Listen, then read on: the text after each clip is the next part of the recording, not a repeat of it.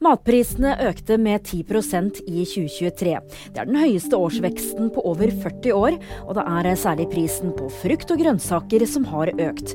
Melk, ost og egg var blant matvaregruppene med lavest prisvekst. Anders Besseberg forklarer seg i retten onsdag. Den tidligere skiskyttertoppen er tiltalt for grov korrupsjon fra tiden som president i Det internasjonale skiskytterforbundet. Selv så har Besseberg hele tiden nektet for å ha gjort noe ulovlig. Bjørnar Moxnes er tilbake på jobb. Den tidligere Rødt-lederen har vært sykemeldt siden november etter å ha innrømmet flere tyverier. Jeg er jo valgt inn for å gjøre en jobb uh, på Stortinget uh, og ser fram til å ta fatt på arbeidet. Uh, det har skjedd og skjer veldig mye på det som jeg har ansvar for, nemlig utenriks- og forsvarspolitikk.